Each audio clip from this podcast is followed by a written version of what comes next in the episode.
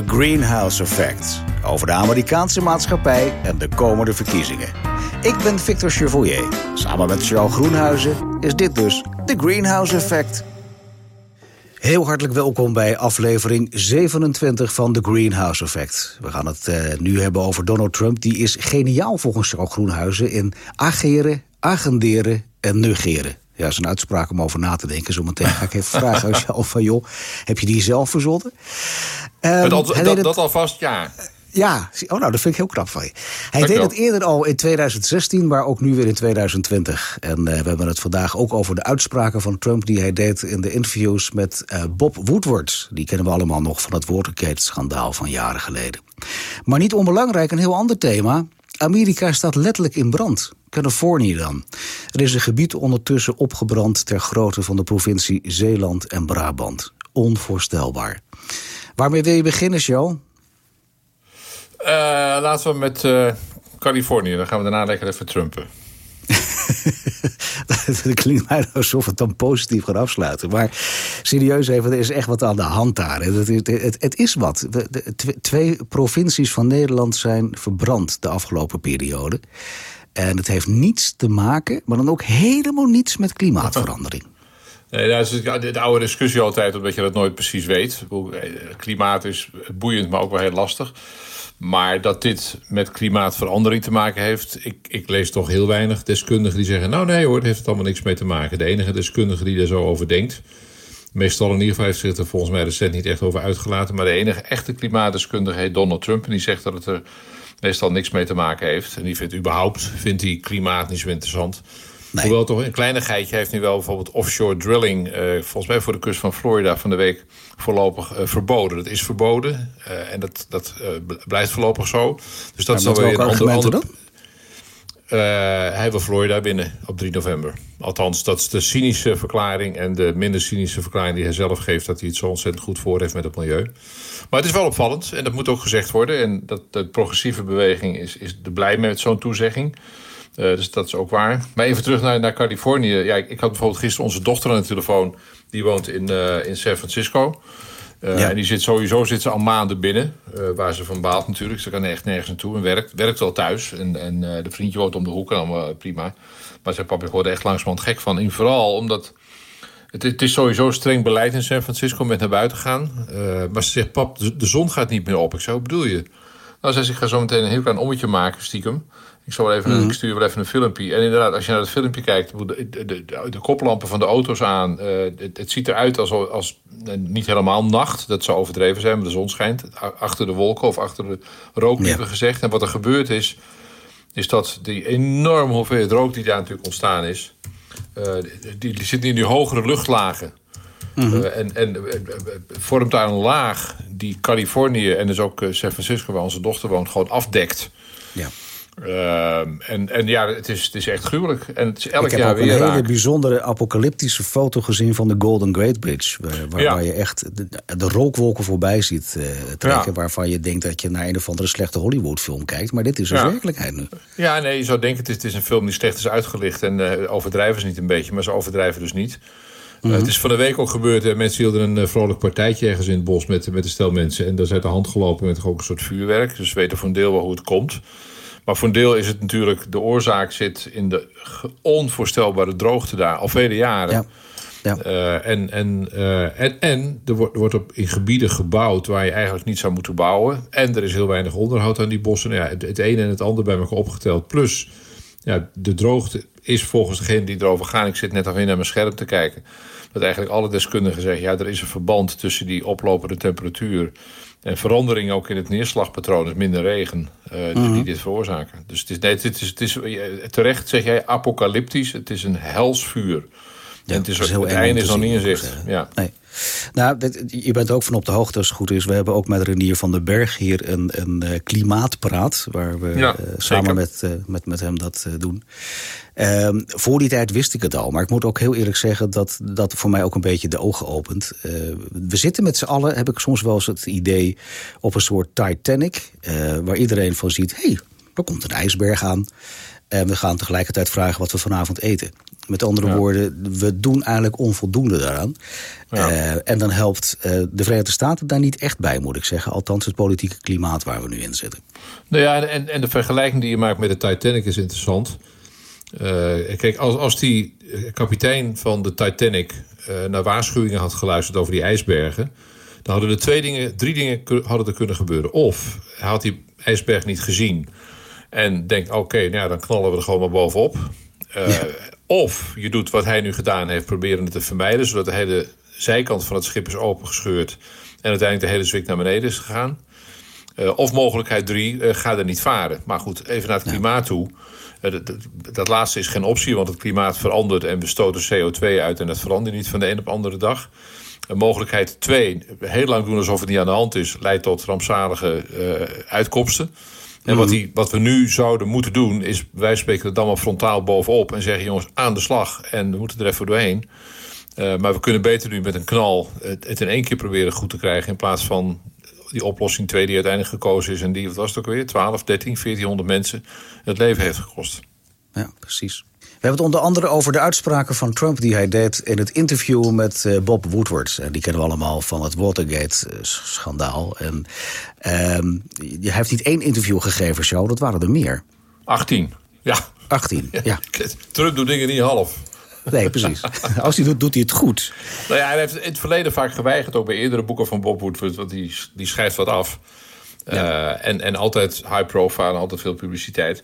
En in het verleden heeft Trump het uh, vaak afgewezen. Hij zei, ja, die, hij werkt bij de Washington Post, die Woodward, althans, daar komt hij vandaan. Het hartstikke links en dan begin ik niet aan. En ze zijn er alleen maar op uit om het te beschadigen. Nu heeft hij erin toegestemd. Maar heeft er ook in toegestemd, vertelt Woodward nu in interviews zelf... Uh, dat het allemaal mocht opgenomen worden. Uh, en, en uit die verslagen, ook uit het Witte Huis, hoor je dat die medewerkers allemaal zoiets hebben van: holy shit. Dat moet de president helemaal niet doen. Maar waarom zou, zou, zou, hij gemotiveerd geweest zijn om daarmee te werken? Want hij nou, kon toch wel aanvoelen welke kant het op zou gaan? Nou ja, hij weet dat. Goed, de feiten moeten voor zichzelf spreken. Woodward is, is geen Trump-fan, dus een democraat. Als hij zou, uh, dat spreekt hij zich niet echt over uit, maar dat, dat is wel vrij helder. Uh, en hij het is geen journalist van een schoolkrant of zo. Je hebt er iemand tegenover je zitten. Nee, en hij is altijd heel kritisch geweest. Trouwens, ook van andere presidenten, niet alleen, niet alleen ten opzichte van Trump. Uh, en ja, het is onbegrijpelijk dat als je dan een interview doet of interviews, dat je niet alleen dat dus 18 keer doet, 9 uur lang in totaal.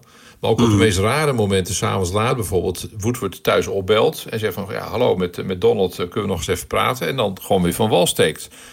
En ja, Woodward die drukt dan gelijk op de recordknop, zodat het opgenomen wordt en ook alles voor het nageslag bewaard is gebleven. Ja. En ja, het, het, en, en, nogmaals, die medewerkers dachten allemaal van oh, oh, oh, oh, oh. En inderdaad dachten zij terecht, oh, oh, oh. Want hij heeft nogal wat dingen gezegd uh, die hem ook in de verkiezingsstrijd de komende bijna twee maanden tegen Joe Biden nog leden kunnen opbreken.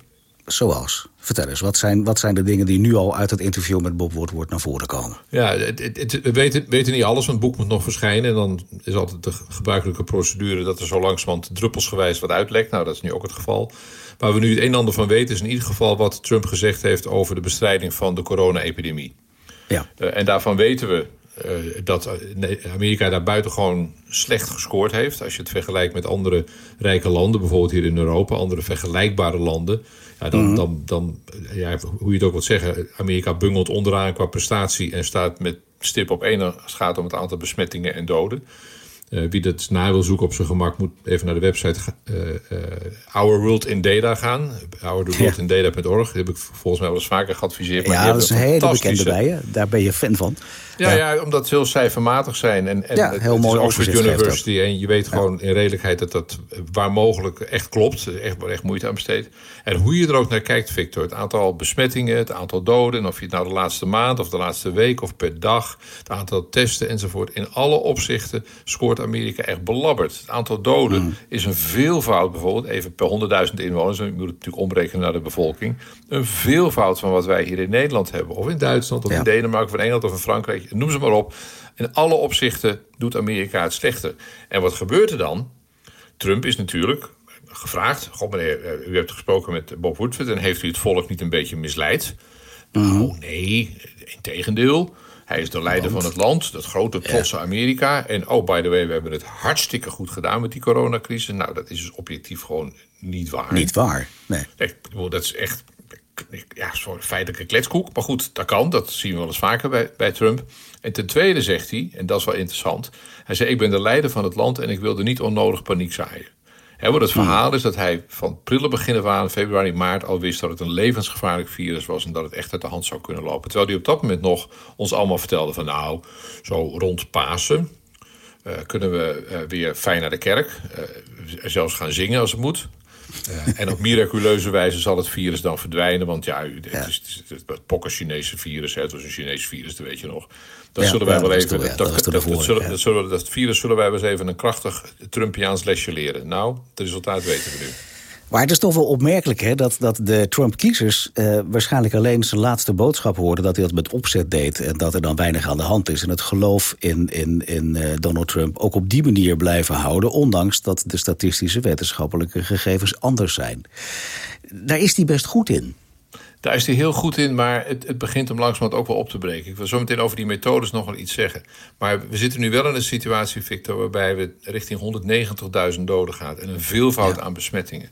We gaan naar een situatie. In beeld. Ja. ja. En, en eh, net als in Nederland trouwens lopen langzamerhand... De, de steunregelingen lopen een beetje uit de pijplijn weg, zeg maar. Het, geld is een beetje op. Uh, dus het aantal bedrijven naar verwachting... wat nu in de komende periode, geldt hier voor Nederland... maar dat geldt zeker voor de VS failliet zal gaan. Het aantal ondernemers wat in grote problemen gaat komen. Nu weer in één week een miljoen uh, werklozen erbij. En dan zie je de officiële statistiek en dan loopt de werkloosheid terug. Als je kijkt mhm. naar het totale aantal mensen wat uh, een aanvraag heeft ingediend voor zeg maar WW, zeg ik even simpel, is, is veel hoger. Dus waarschijnlijk zit er ergens in die cijfers een kolossale fout. En in het voordeel van Trump, namelijk lage cijfers. Maar dat zullen we misschien binnenkort nog wel eens horen. Maar dat, dat zit er nu gewoon aan te komen. Dus ja, heb, je hebt gelijk, Victor, dat dat de allertrouwste Trumpies die blijven achter hem staan. Om allerlei redenen die we ook wel eerder in deze podcast besproken hebben. Maar voor heel veel mensen begint langzamerhand ook wel tastbaar, voelbaar te worden in de eigen omgeving. Omdat ze het zelf meemaken in hun gezin, familie, hun buurt, op hun werk. Dat mensen ziek worden of doodgaan. Ja. En dat ze zien dat Trump elke keer belooft: we krijgen het onder de knie. En elke keer mm jokt hij. Het is gewoon niet waar. Het loopt nu wel terug. Waar je moet kijken hoe het dan weer gaat als het koeler wordt en mensen weer naar binnen gaan en dichter op elkaar gaan zitten en meer aan elkaar gaan zitten enzovoort enzovoort. Dat vindt dat virus fijn, want dan kan het virus lekker overspringen. Geen idee wat er dan gebeurt. In de VS niet, hier in Nederland niet. Maar vooralsnog, de record van Trump op dit vlak is belabberd. Het is, het is, het is vreselijk en het is vooral vreselijk dodelijk. Ja. Als ik naar de laatste cijfers kijk, heel actueel de tussenstand op dit moment zit eh, Donald eh, Trump op 42,9 procent en Joe Biden op 50,6. Dat zegt natuurlijk nog helemaal niks. Uh, maar er gebeurt best wel veel. Uh, overigens kun je daarvoor naar onze site, praatkast.nl... en dan kijken bij Show Groenhuizen bij de Greenhouse Effect. Daar staat het hele verhaal en daar wordt uh, als goed is dagelijks bijgehouden. Nog even terugkomen op mijn opening. Uh, je had een hele mooie zin voor slot, Charles. Donald Trump is geniaal in ageren agenderen en negeren. Het is jammer dat het Nederlands is, anders zou hij nog uh, in de Verenigde Staten een leuke doen. Ja. heb je geschreven in het Financieel Dagblad. Uh, je schrijft erin ook van hij deed het eerder in 2016 met Hillary, ja. maar nu ook weer in 2020. vertel eens, waarom vind je dat nou zo, dat hij dat zo heel tactisch doet? Ja, nou wat hij in, even terug naar 2016, dat is toch wel leerzaam, denk ik. Kijk, in 2016 is het tijd tussen Donald Trump en Hillary Clinton. Uh, wat we daar gezien hebben is dat, uh, toen zaten we nog met enige verbazing naar ja, toch de new kid on the block te kijken. Althans als het om de landelijke politiek ging. We kennen Trump natuurlijk al als projectontwikkelaar en, en uh, Mr. Big Mouth enzovoort. Maar hij, hij, heeft, ja, bij de Apprentice enzovoort. Maar wat hij toen ging doen was eigenlijk de Republikeinse Partij, waar hij tot kort daarvoor helemaal geen lid van was. Hij is nog een tijdje lid van de Democratische Partij geweest. Inhoudelijk volledig kapen. En dat deed hij op een manier. Hij negeerde eigenlijk het groot deel van het partijprogramma van de Republikeinen, bijvoorbeeld over een kleine overheid en, en lage belastingen. Daar trok hij zich even niks van aan. De agenda heette vooral Donald Trump. En wat hij, wat hij deed, is een aantal onderwerpen kiezen waarvan hij wist of vermoedde dat ze bij de Amerikaanse kiezers enorm zouden aanslaan en geweldig gunstig zouden vallen. En dan, dan praat je over immigratie, dan praat je over aanpak van misdaad, dan praat je over de Chinezen die Amerikaanse banen jatten, dan praat je over moslimterroristen, dat soort onderwerpen. We herinneren ons dat allemaal. En dat, daar is hij geniaal in om dat op een manier te brengen dat in ieder geval een deel van het electoraat dat fantastisch vindt. Maar minstens even belangrijk uh, is dat hij agendeert. Kijk, bij verkiezingen kun je op twee manieren winnen. Je kunt de verkiezing winnen, dat heeft hij trouwens uiteindelijk gedaan.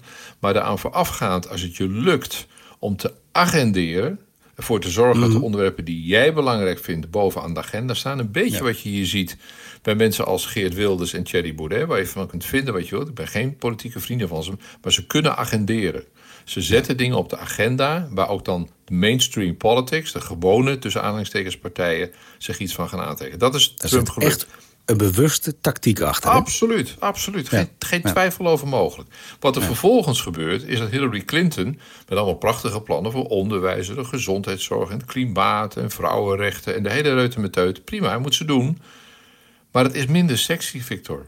Op het moment dat een tv-station de keuze heeft tussen zo'n toespraak van Trump voor 20.000 mensen in een afgeladen vol, toen nog, uh, basketbalstadion, of Hillary Clinton hmm. die, die uh, praat over uh, ongelijkheid in de Verenigde Staten door de eeuwen heen. Ja, dan weet je wel als baas van een tv-station wat je het liefste ziet. en dus, dus daardoor kwam, en dan kom je bij, heb, heb je dat agenderen, vervolgens negeert hij alles wat eigenlijk belangrijk is nu in de Verenigde Staten en de grote gebreken van het land. Denk ook weer aan de zorg, de infrastructuur, de ongelijkheid, het geweld enzovoort. Dat komt in zijn verhaal niet voor. En daaraan koppelt hij de eerste, het ageren, het voortdurend schelden op zijn tegenstanders. In het geval van Hillary, Crooked Hillary. Of uh, uh, nu is het Sleepy Joe. En die, die, die, die drieslag van ageren, hè, schelden, twee, agenderen, mijn dingen op de agenda zetten. En drie, negeren, niet praten over de dingen die echt toe doen. Doet hij nou in 2020 precies hetzelfde. Eigenlijk heel erg goed als je erover nadenkt. Nou, vandaar dat ik hem geniaal noem. Ja, ik, precies, zeg dat zonder, ik zeg dat zonder reserve. Maar jij loopt ook al uh, de nodige jaren mee. Je hebt, je hebt dit soort processen vaker mogen meemaken. Nou is uh, Donald Trump natuurlijk wel een heel specifiek geval hierin. Stel nu dat jij in, in, het, in het campagneteam van Joe Biden zou zitten. Hoe kan je hier nou weerstand aan geven? Nou, ik ben wel benieuwd wat er zal gebeuren als. Ik moest er vanmiddag over nadenken. Kijk, Trump vertelt ook dingen over Joe Biden die gewoon ook objectief niet waar zijn. Joe Biden kennen we al meer dan 40 jaar. Uh, als actief politicus, senator, uh, vicepresident en nu presidentskandidaat. Het is een gematigde man. Het is een gematigde man aan de progressieve kant. Er is geen twijfel over mogelijk. Maar wordt nu geportretteerd als een radicale, rabiate, uh, extreme socialist. Die Amerika naar de, de, het Armageddon van uh, het staatssocialisme wil afvoeren. Ja, natuurlijk kletskoek. Of zoals zijn zoon op de conventie zei: van ja, nee, we mogen straks niet meer naar de kerk. Uh, en onze scholen gaan dicht. Uh, dat, dat is het perspectief van. dat, dat gloort aan de rode einder, zal ik maar precies. zeggen. Ja, maar ga daar maar tegenin dan. Ja. Nou goed, maar misschien moet je dat gewoon niet doen. Ik, ik, had, ik had een one-liner bedacht. En dat gaat Joe Biden niet doen hoor. Daar luistert weer niet naar me. Maar ja, dat weet ik nou weer. maar als je het in Engels zegt... When somebody is throwing bullshit at you, what do you do? Pick it up and throw it back or run away. Wat doe je als iemand echt met, ja, bakken stront naar je gooit? Echt met stront gooit, ja, dan, ja. En dat is aan de hand. Dan kun je dus zeggen, nee, ik probeer het terug te gooien. Ik pak het op en ik gooi het terug. Ah, heb je dan ook vieze vingers? Hmm. Ehm, en, en je schiet er, je kunt me beter weglopen. Dus ik ben wel benieuwd wat Biden wat er zou gebeuren als hij zegt van dit is echt, ik wil graag debatteren op basis van feiten en met een minimale uh, dosis respect. Maar ik ga me hier gewoon niet meer tegen verzetten. En daar is Hillary ingetrapt in 2016. Mhm. Die bleef alsmaar reageren van dat het echt onzin was wat die Donald Trump vertelde. En die kwam terecht in een soort publicitaire zonsverduistering. En dat zie je gewoon in de getallen terug. Hoeveel artikelen over Trump gingen en hoeveel over Hillary. Dat won hij echt op knock-out van Hillary. Ja, dan zeg je eigenlijk dat, dat je moet negeren als hij dit soort onzin aan het uitkramen is. Ja, ik ben wel benieuwd wat er zal gebeuren als, het, als zegt van... sorry, dit is, uh, uh, ik zeg het één keer... ik ga niet meer op bullshit reageren. Ik wil reageren op serieuze dingen. Maar ja. doe maar, want wat er gebeurt... dat zag je bij Hillary ook, echt, de, het zag je heen en weer pingpongen. Hillary begon te reageren, was natuurlijk boos... en dat het onzin was wat Donald zei. Vervolgens reageerde Donald daar weer op... En wie stond er elke keer weer op de voorpagina? Degene die de eerste klap uitgedeeld had. Namelijk Donald Trump. Ja. En dat zie je ook terug. En dat zie je terugkomen nu. Ja. En, en, zie je, nu zie je gaat het over die rellen. En dat is ook weer, de linkse hordes rukken op. En er zijn natuurlijk foute dingen gebeurd met die plunderingen in brandsteken. Niemand zal dat goed praten. Maar het is nu net alsof het daar alleen over gaat. En niet over de klimaatdiscussie. Niet over de racisme-discussie niet over de 190.000 doden als gevolg van corona. Nee, over dat handjevol mensen die in een paar steden uh, winkelcentra in de fik steken. En nogmaals, kwalijk, moet veroordeeld worden. Maar dat is niet het verhaal van Amerika in 2020. Thema. niet het thema. Nee. Maar het, het dus hem wel.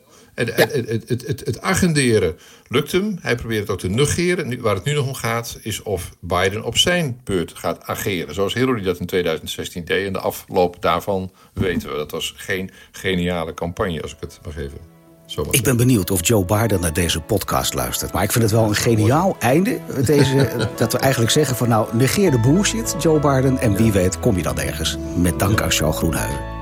Vind je niet? Ik vind het mooi. Dankjewel, show. Tot de volgende keer. Met, tot genoegen. Hoi.